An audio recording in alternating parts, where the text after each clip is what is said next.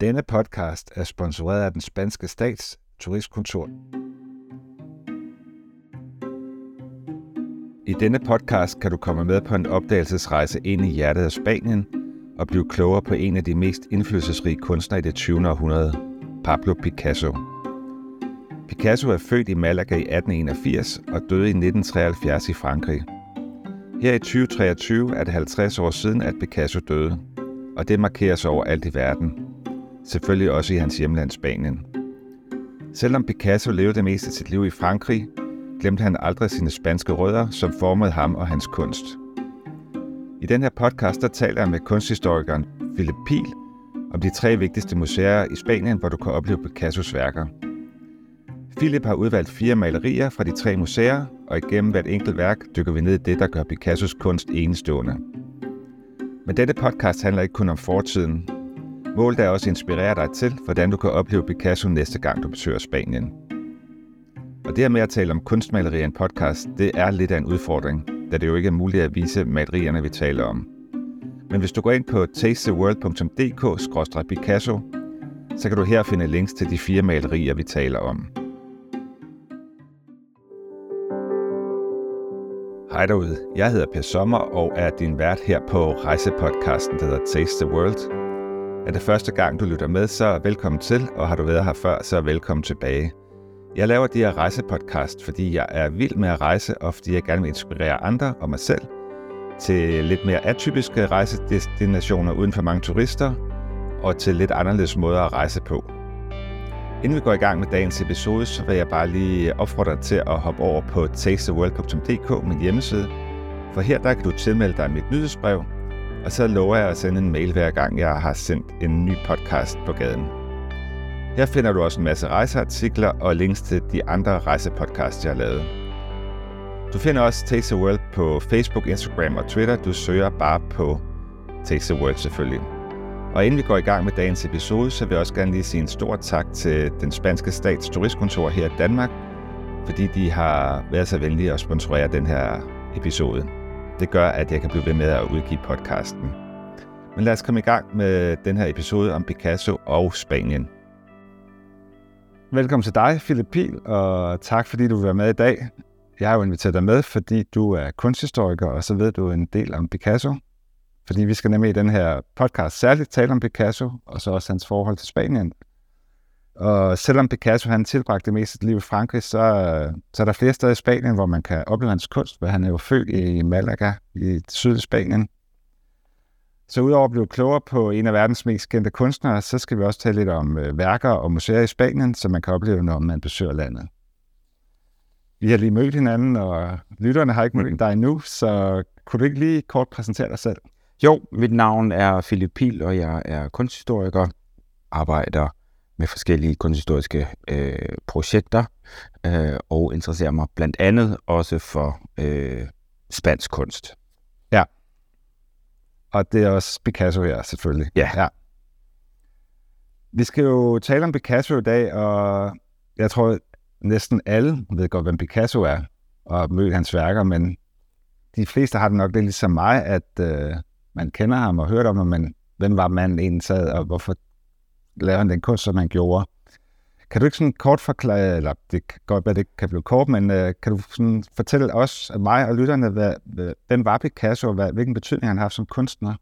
Jo, altså man kan sige, som du selv nævner, så er Picasso enormt kendt, og han var enormt kendt også i sin egen samtid, og på en eller anden måde har vi måske også svært ved at se, altså manden og værket er jo blevet det samme, ikke? Mm. Øh, og på en eller anden måde er han sådan indbegrebet af den her, den moderne kunstner, som jo også er et geni, ikke? altså enormt produktiv, og sjovt nok har han jo også enormt mange forskellige stilarter, Picasso, igennem sit liv, hvilket egentlig taler lidt imod den der stjernekunstner, som egentlig måske skulle have en meget distinkt sin egen stil. Det har han selvfølgelig også, men han, han gennemgår mange forskellige stilarter igennem sit professionelle liv. Han var jo en fornyer af maleriet, basalt set, ikke? Mm. Øh, i, sin, øh, i sin samtid der i starten af 1900-tallet. Mm. Og det er jo det, der har gjort ham til den verdensberømte kunstner, han er i dag. Måske også samtidig med hans personlighed. Ja, så det er svært at skille de to ting ad. Han er nærmest et brand jo. øh. Ja, og det bliver han jo også, også sådan en som en anden spansk kunstner, man kender, Dali for eksempel. Ikke? At de er i en, i en tid, hvor at, øh, og det passer også til Picasso selv at spille en rolle i hans eget kunst. Ikke? Jo, jo. Altså han, lader jo, han er jo fotograferet i altså, tusindvis af billeder i hver tænkelig position, og vel nærmest lige så meget med trøje på, som uden trøje på. Og det er jo ikke, fordi han øh, lignede Peter Andre, vel? Altså, Nej. øhm, så var også en personlighed i sin egen kunst. Han havde en persona, som han... Nu har jeg lige læst lidt om det. Jeg fik jo sådan meget indtryk, at han var en meget selvsikker person ikke også, og, og troede på sig selv, som jeg kunne har læst mig til i hvert fald. Det er jo i hvert fald indtrykket, Ja. man, øh, det, det er meget klare indtryk, man har af ham. Ikke? Ja, Han har da sikkert også haft øh, perioder, hvor han har tvivlet på sit eget talent, men øh, det har nok ikke været det har nok været sjældent. Altså man kan sige, når man har så stor en produktion, han har ikke haft øh, mailblokade vel på noget tidspunkt. nej. Ej, der er vel, der er vel et tidspunkt, hvor han faktisk nogle år, jeg kan ikke huske om det er 30'erne, hvor han egentlig skriver frem for han maler, men altså vender så tilbage til maleriet. Ikke?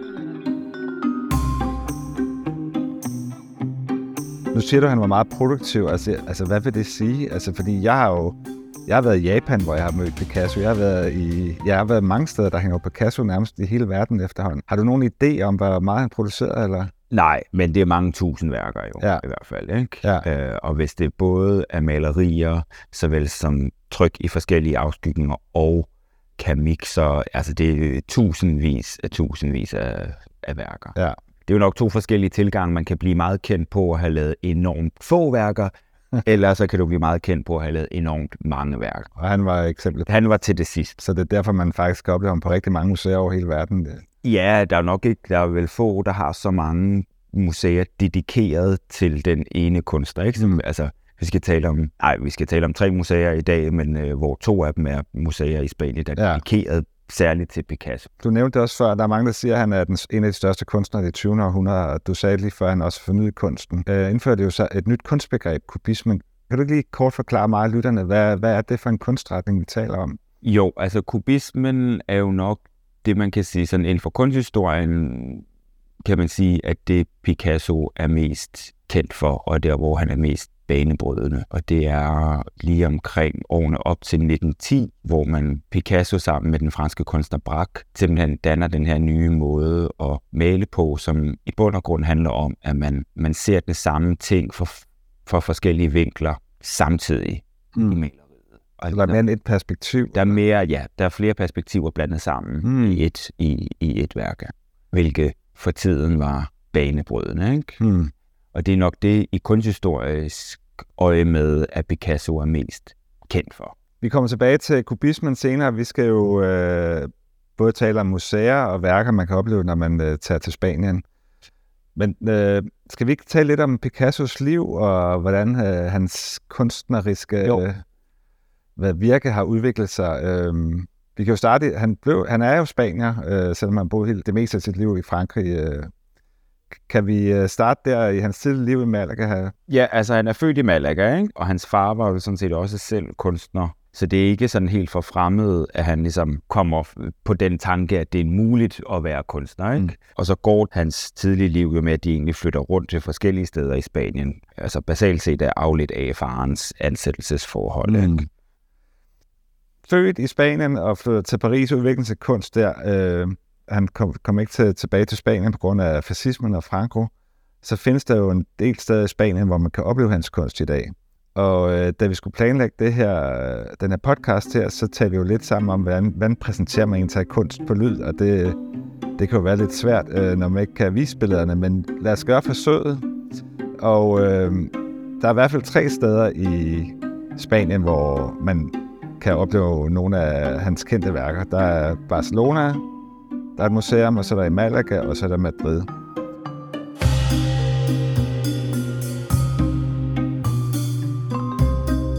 Skal vi ikke starte med Barcelona? Fordi der ligger der et stort uh, Picasso-museum. Har, har du været der, eller? Jeg har været der en gang for mange, mange år siden, men øh, jeg husker også det som en lidt træt oplevelse. Altså, jeg var træt. uh, så det er ikke, jeg har været igennem det museum. Ja. Det, det er et dedikeret Picasso-museum, og man kan sige, det der er øh, det de særligt har, er værker fra hans tidligere produktion. Uh, mange vil måske vide, at uh, Picassos værk øh, til dels er delt op i nogle af de her farver. Altså tidligt havde han det, vi kalder han, hans blå periode, øh, og der er en, en del værker fra den her blå periode på museet mm. i øh, Barcelona, som øh, jo ligger før hans sådan senere meget abstrakte maleri, altså det her, de her blå værker, eller den her blå periode. Den blå gør det både sådan lidt så modigt, men altså de er mere tegnede figurerne end, end hans senere abstrakte værker. Øjne, næse og mund sidder nogenlunde, hvor de, øh, hvor de gør, som de gør på de fleste mennesker. Men de er meget stemningsfulde, de her mm. blå værker. Ikke? Blå værker, altså kun bruger blå farver, eller, eller hvad? Domineret, domineret af, af blå farver. Det er det, ja. det står for? Ja, ja. Okay. ja. Blå, der er sådan hen imod noget grønt. Ja. Men hvor man kan sige, der er ligesom næsten sådan en hende hen, eller ikke en hende henover, men de føles sådan, altså det er jo både farven, men også sådan, det, det er lidt distanceret øh, mm. i, øh, i sådan udtrykket. Ja, ja, ja. Okay. Du har valgt et værk, vi skal snakke om. Det hedder øh, Ventende Margot, altså Margot er navnet på den her kvinde, som vi ser på øh, i værket. Det er et værk fra 1901. Det er ikke så stort, det er lige omkring 70 gange 60 cm, og det vi ser altså en kvinde iført en øh, rød trøje, eller hvad kan man sige, beklædning, der sidder, det er sådan rumligt lidt svært at aflæse, men altså, man, jeg ser, ser det som om, hun sidder og læner sig hen over et, øh, et bord på en café, og bordet er den her mørke, øh, mørkeblå overflade. Hun har også en forholdsvis sådan volumøs hat på i nogle øh, lyse øh, nuancer, også rødt. Og så er der baggrunden på værket, der er mere præget af noget grønt og, og gult. Så det her værk er altså ikke repræsentativt for, for, hans, øh, for hans blå periode, men nok nærmere et værk, der ligner mere en, det er sådan lidt før Picasso blev Picasso, kan man mm. sige. Det er jo ikke specielt abstrakt. Nej, nej, nej, nej, vi kan tydeligt se, hvad det er, og som sagt, øh, også her, der sidder øjne, næse og mund, som de skal, ikke? Mm malestilen er sådan meget ekspressiv, altså det er nærmere sådan, som om han har lagt malingen på med en spatel, eller sådan, altså mm. han har ikke kørt det rundt, at man kan sige, det ligner, mimer lidt i teknik, det man kalder pointillisme, som var en teknik på det her tidspunkt, altså hvor man ikke, hvad kan man sige, man maler sådan set ikke meget, meget men, men man duber farven på i sin rene, man duber malingen i sin rene farver på, og så skal man ligesom fjerne sig fra motivet, før, det, før man kan se motivet. Ikke? Mm. Og det kan man sige, det der øh, tegn af her. Værket foregriber også den bevægelse, der, der opstår nogle få år senere. Fauisme hedder det, øh, som oversat betyder de vilde. Det er primært nogle malere som øh, Matisse for eksempel, som er præget af de her, ligesom Picassos værk her, altså stærke farver øh, og en øh, kraftig penselsføring, ikke? eller mm. øh, en, øh, udtryksfuldt øh, brug af malingen. Ikke? Ja. Øhm, og man siger, det her værk er så formentlig øh, et værk, der var med på Picassos første udstilling i Paris. Og på den udstilling, der havde det ikke den titel, vi kender det med i dag, altså Ventende Margot, men der havde det titlen Den øh, morfinafhængige.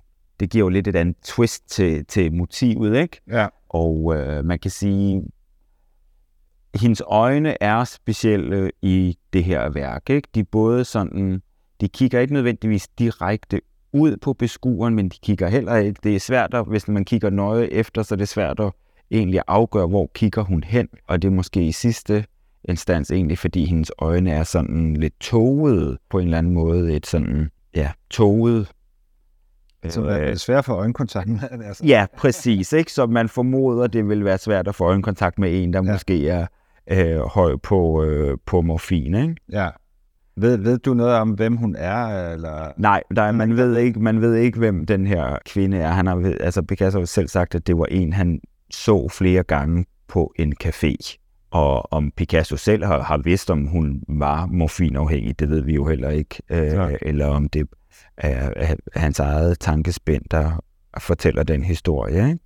Men man kan sige, mens stilen ikke nødvendigvis er så repræsentativt for det, vi, det vi i dag vil synes er et Picasso-værk, så kan man sige, motivet er muligvis repræsentativt. Ikke? Altså det er, det er byen, det er øh, café i barlivet, han maler, og i og med, at vi får det her at vide om, at det her formentlig er en morfinafhængig, er det også undersiden af, af byen, ikke? altså øh, bagsiden og byens øh, skæve eksistenser, som han, ligesom, som han maler. Ikke?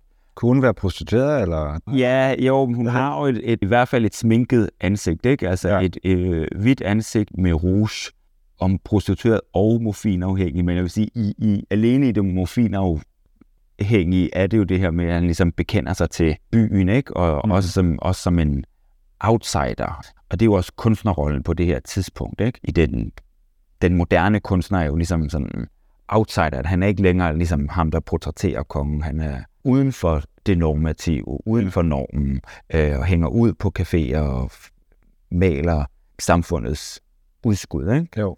Det er ikke et, altså selvom det muligvis har haft titlen morfinafhængig, så er det jo ikke et fordømmende portræt. Han er ikke, det er jo ikke, der er ikke nogen moral, jeg ser ikke nogen moraliseren fra Picassos side i at udstille hende eller hænge hende ud. Det er mere en øh, observation fra livet i byen. Ikke? Ja, men jeg synes i hvert fald, det er utrolig flot billede og farvestrålende.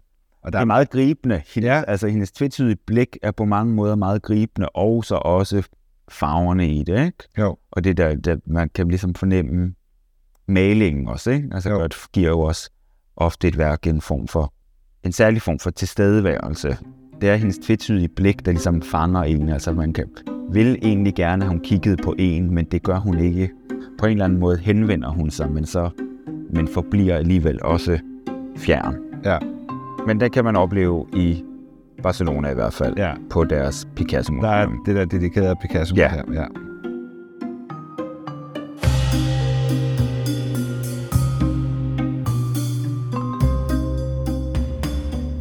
Godt. Så skal vi, øh, vi skal jo videre i Spanien nu. Øh, vi tager sydpå. Vi tager sydpå. Lidt, lidt længere sydpå i hvert fald, ja, og ind i landet. Og ind i landet, ja. Der skal vi, nu skal vi til Madrid. Og der, øh, så vidt jeg der findes ikke et dedikeret Picasso-museum, vel? Der, der skal vi opleve ham på, på et andet museum. Der skal vi på det museum, der hedder Reina Sofia. Ja. Er øh, det nationale museum for moderne kunst. Mm. Det andet store øh, museum i, i Madrid er Prado-museet, som er for ældre kunst, og så har man øh, Reina Sofia mm. for moderne kunst. Ja. Og en af de absolutte hovedværker på Reina Sofia og en af de mest kendte værker er jo øh, Picassos øh, værk Guernica fra 1937, som er det her næsten sort-hvide kæmpe maleri, som viser bumpningen af byen Guernica, øh, som fandt sted i, øh, i 1937, som det var tyskerne, som bombede byen Guernica. Altså tyskerne støttede fascisterne og Franco i borgerkrigen, ikke? Og Picasso har altså malet blodsudgydelserne i, øh, i Guernica på det her kæmpe maleri, der er øh, 3,5 meter høj og næsten lige under 8 meter langt. Det er jo øh, vildt stort. Øh, meget, meget stort værk, ikke? Så det er jo nærmest, det er arkitektonisk i sin, i sin størrelse, ikke? Mm. Og det er jo et værk, der er enormt kendt, og også har en enorm betydning i Spanien, Picasso var jo på det her tidspunkt i 37 allerede i øh, Frankrig og boede øh, jo fast i Paris og havde gjort det mange år. Og der skal så i Paris være øh, verdensudstilling, øh, og det er så den siddende spanske regering, altså den venstreorienterede regering, der bestiller Picasso til at lave det her værk til den spanske pavillon på øh, verdensudstillingen, for ligesom at mobilisere international støtte til deres øh, kamp i borgerkrigen, altså mm. kampen mod Franco. Ikke? Mm. Øh, så det er jo lavet på bestilling som et indlæg i, hvad kan man sige, Kampen debatten, skulle jeg sige kampen mod Franco. øh, mod, mod øh, Franco. Ikke? Mm. Øh, og der blev det så øh, udstillet, og andre spanske kunstnere lavede også øh, værker, værker til den her spanske pavillon. Og øh, det, hvad kan man sige, modstandsværk øh, mod øh, fascismen. Ikke? Mm. Og værkets efterhistorie er jo så, at efter verdensudstillingen i Paris, så kom det på verdensturné. Det blev faktisk også vist i, i, her i København øh, nogle år senere, inden det kom til USA, hvor det var, da 2. verdenskrig så bryder ud, og der bestemmer Picasso, at det skal blive i USA indtil krigen er over. Da krigen er slut, bestemmer han, at det skal blive i USA, og først tilbage, komme tilbage til Spanien den dag, at øh, Spanien igen har demokrati. Mm. Og det gør det så efter Picasso er død. Det kommer til Spanien i 1981. Mm. Så altså i Spanien er det her jo ikke bare et maleri, det er et symbol både på kampen mod fascisme og at demokratiets genkomst. Ikke? Så Mm. det er jo et værk, der har enorm sådan, historisk betydning i Spanien, også ud over sit det kunstneriske. Ja, øh, en stor symbolsk betydning. Enorm symbolsk betydning. Ja. Ja. Ikke? Philip, kan vi ikke lige tale om det her værk? Øh, Jo. Hvad vi ser, fordi når vi lige talte om Mar- Margot før, så hvis man ikke vidste, hvis du spørger mig, så kan jeg i hvert fald ikke se, at det er den samme kunstner, der har lavet de to forskellige motiver. Nej, Fordi det her, det er jo meget mere abstrakt end... Øh, man kan godt se, hvad, hvad der er elementer på billedet, men det er jo en helt anden stilart her.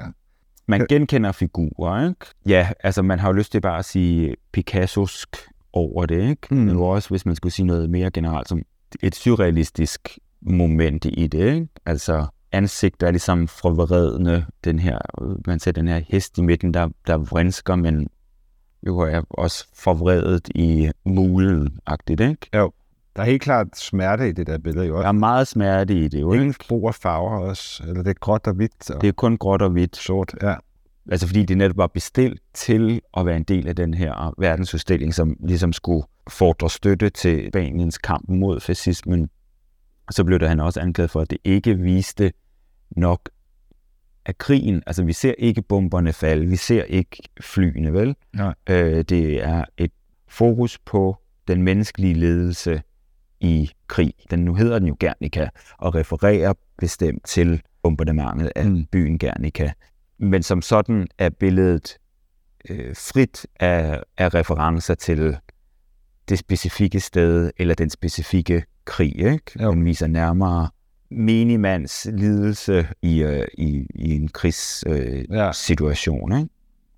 Der er en tyr oppe i venstre hjørne, hvor jeg tænker, det for mig kunne det måske godt være en reference til Spanien. Ja, men det tror jeg også, det har det også været til dels for Picasso, men det er også et, øh, hvad skal man sige, mytisk væsen, Ja. øh, som står for styrke og virilitet og, og, og øh, ja, i den retning, ikke? Jo. Men det har også været et spansk symbol.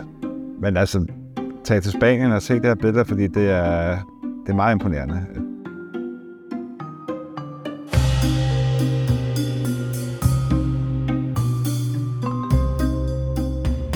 Det leder os jo også hen til det andet værk, jeg gerne vil tale om, Ja, også er på øh, Reina Sofia i Madrid. Der er et af hans de her tidlige kubistiske værker. Øh, det hedder Døde Fugle, har det, det meget appetitlige. og et værk fra 1912, som jeg tror, jeg fik sagt tidligere, så er kubismen altså noget af den her stilart, som Picasso sammen med kunstneren Braque øh, ligesom barsler med lige omkring 1908 til 10. Det er jo simpelthen en kunstretning, der har været- skældsættende for den vestlige kunsthistorie, og derfor også enormt behandlet. Du kan finde metervis af litteratur om, øh, om kubismen, og derfor taler man også om, at det her er et værk fra, fra 1912, at det er imellem hans mellemkubistiske periode. Mhm. Det vi ser på det her værk er jo, altså på en eller anden måde ligner det jo en bunke af forskellige fotografier lagt oven på hinanden, ikke? Øh, Farvemæssigt er vi igen i en meget begrænset palette, altså sådan fra brun til noget gråt, sort og hvidt, men altså med lidt hjælp fra titlen Døde fugle, er det ligesom muligt at genkende et par fugle hoveder i hvert fald, øh, også nogle fugle klør.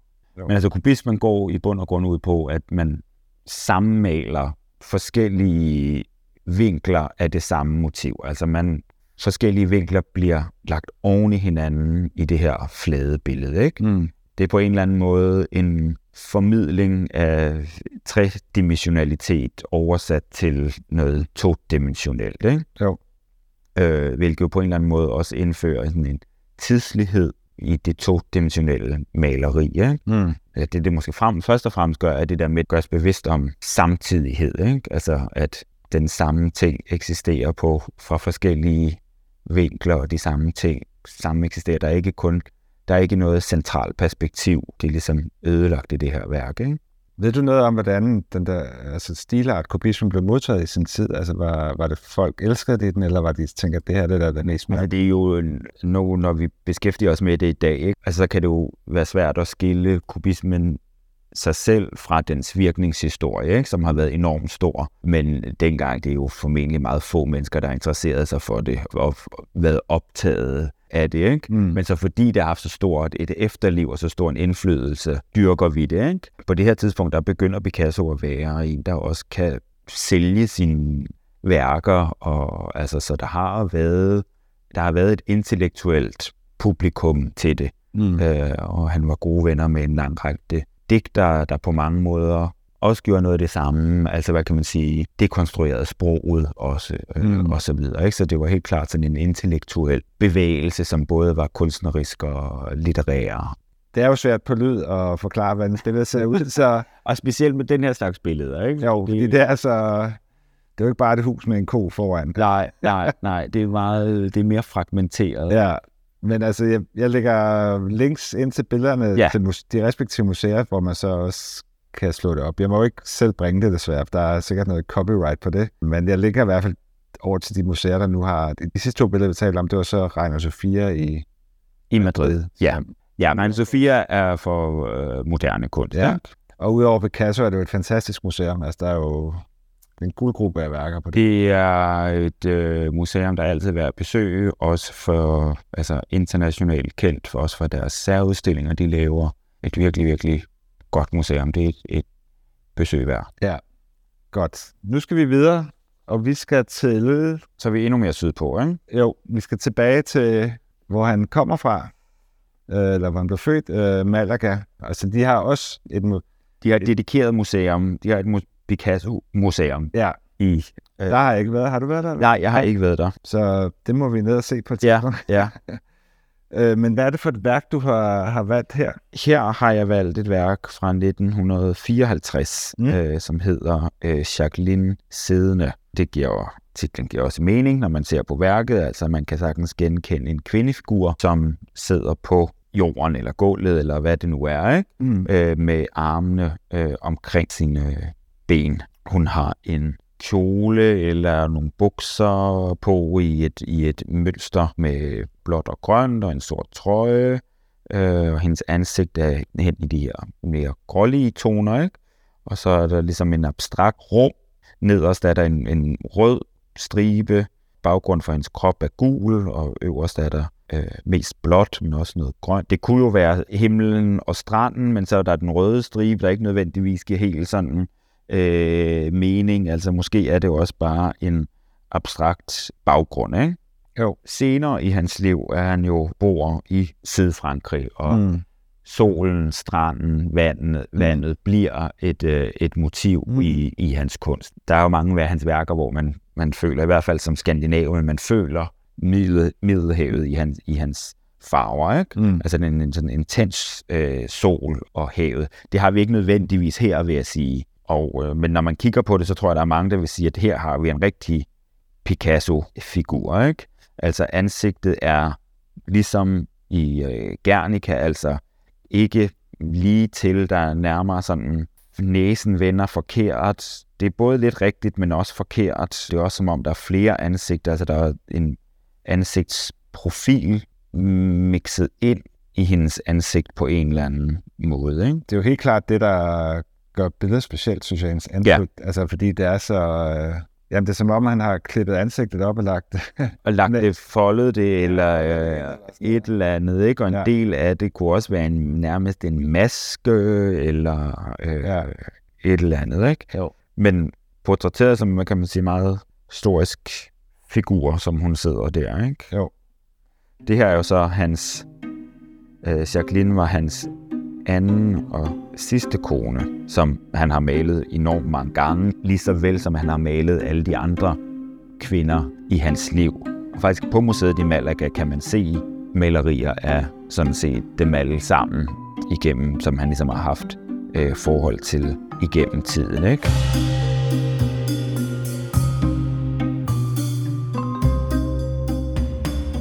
En af de ting, som vi i dag kan have, hvor nogen kan have det lidt svært med Picasso i dag, ikke? det er hans forhold til kvinder. Kan du fortælle lidt mere om det? Han var gift øh, med Olga, som kom til at hedde Olga Picasso. De fik også nogle børn. De blev gift tilbage i 1918, men altså allerede nogle år senere, altså mens han er gift med Olga, har han en stribe af FR, og også med nogle meget unge kvinder. Altså 27, 1927 øh, med en, hende her Maria Teresa Walter, som er på det her tidspunkt 17 år gammel. Jacqueline, som vi ser på billedet her, som så bliver hans kone jo ikke, var i start første halvdel af 20'erne, da hun møder ham, da han er vel altså, omkring de 70, ikke? Det kunne være en barnebarn. Det kunne det sagtens have været, ikke? Ja. Jeg ved ikke noget om deres forhold, hvordan det ligesom, hvorfor de er blevet tiltrukket af hinanden. Altså, det har nok også været en faktor, han var Picasso, ikke? Mm. I hendes øh, tilfælde, om han har spillet på det, det har han jo nok.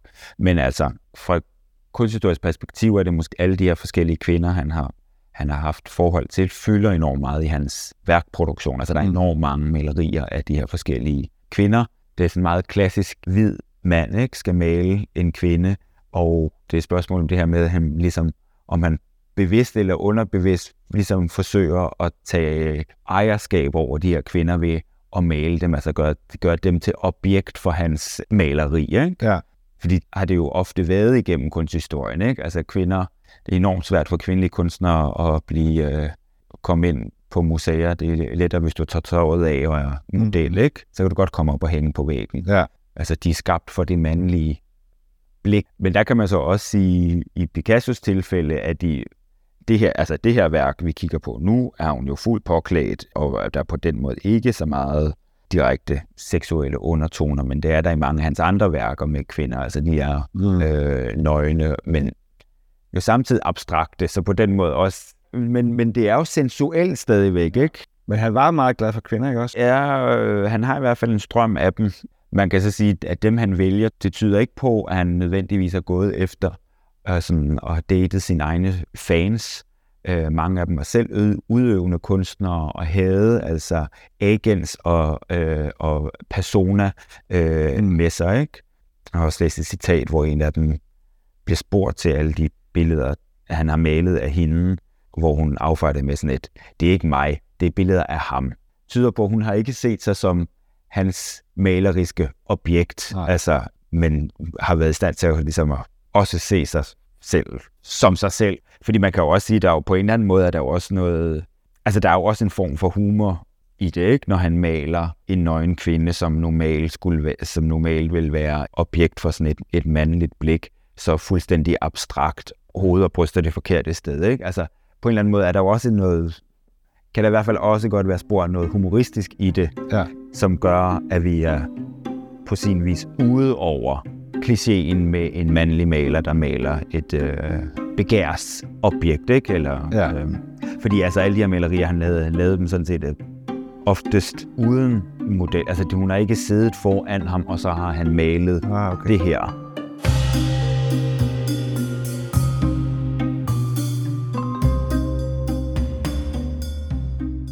Det var det sidste værk, du har valgt, vi skulle tale om i dag, og Ja. det hænger jo så i Malaga. Ja.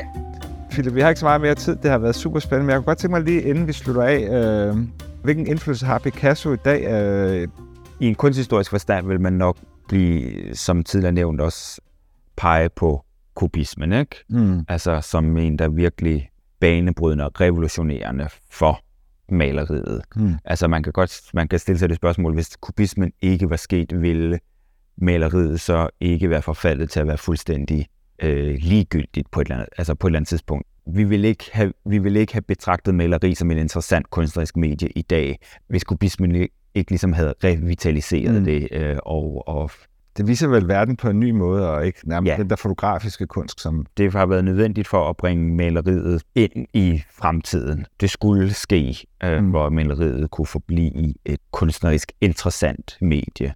Så man kan sige, at han banet vejen for altså mere abstrakte kunstnere, der er kommet efterfølgende. Det har han jo helt klart altså mm. været med til at revitalisere maleriet og gjort maleriet til et medie, man, kan, man fortsat kan eksperimentere og, og bruge på en relevant kunstnerisk øh, måde. Ikke? Så det er jo nok hans primære betydning. Ikke? Ja, ja.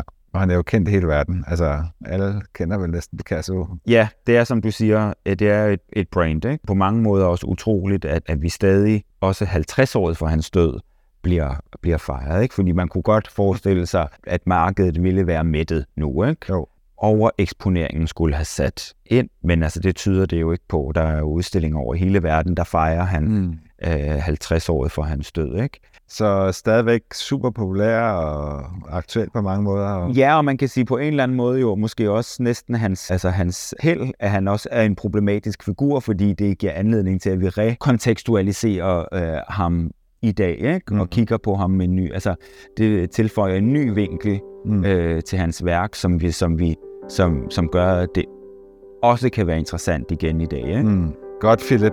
Vi kan ikke nå så meget mere.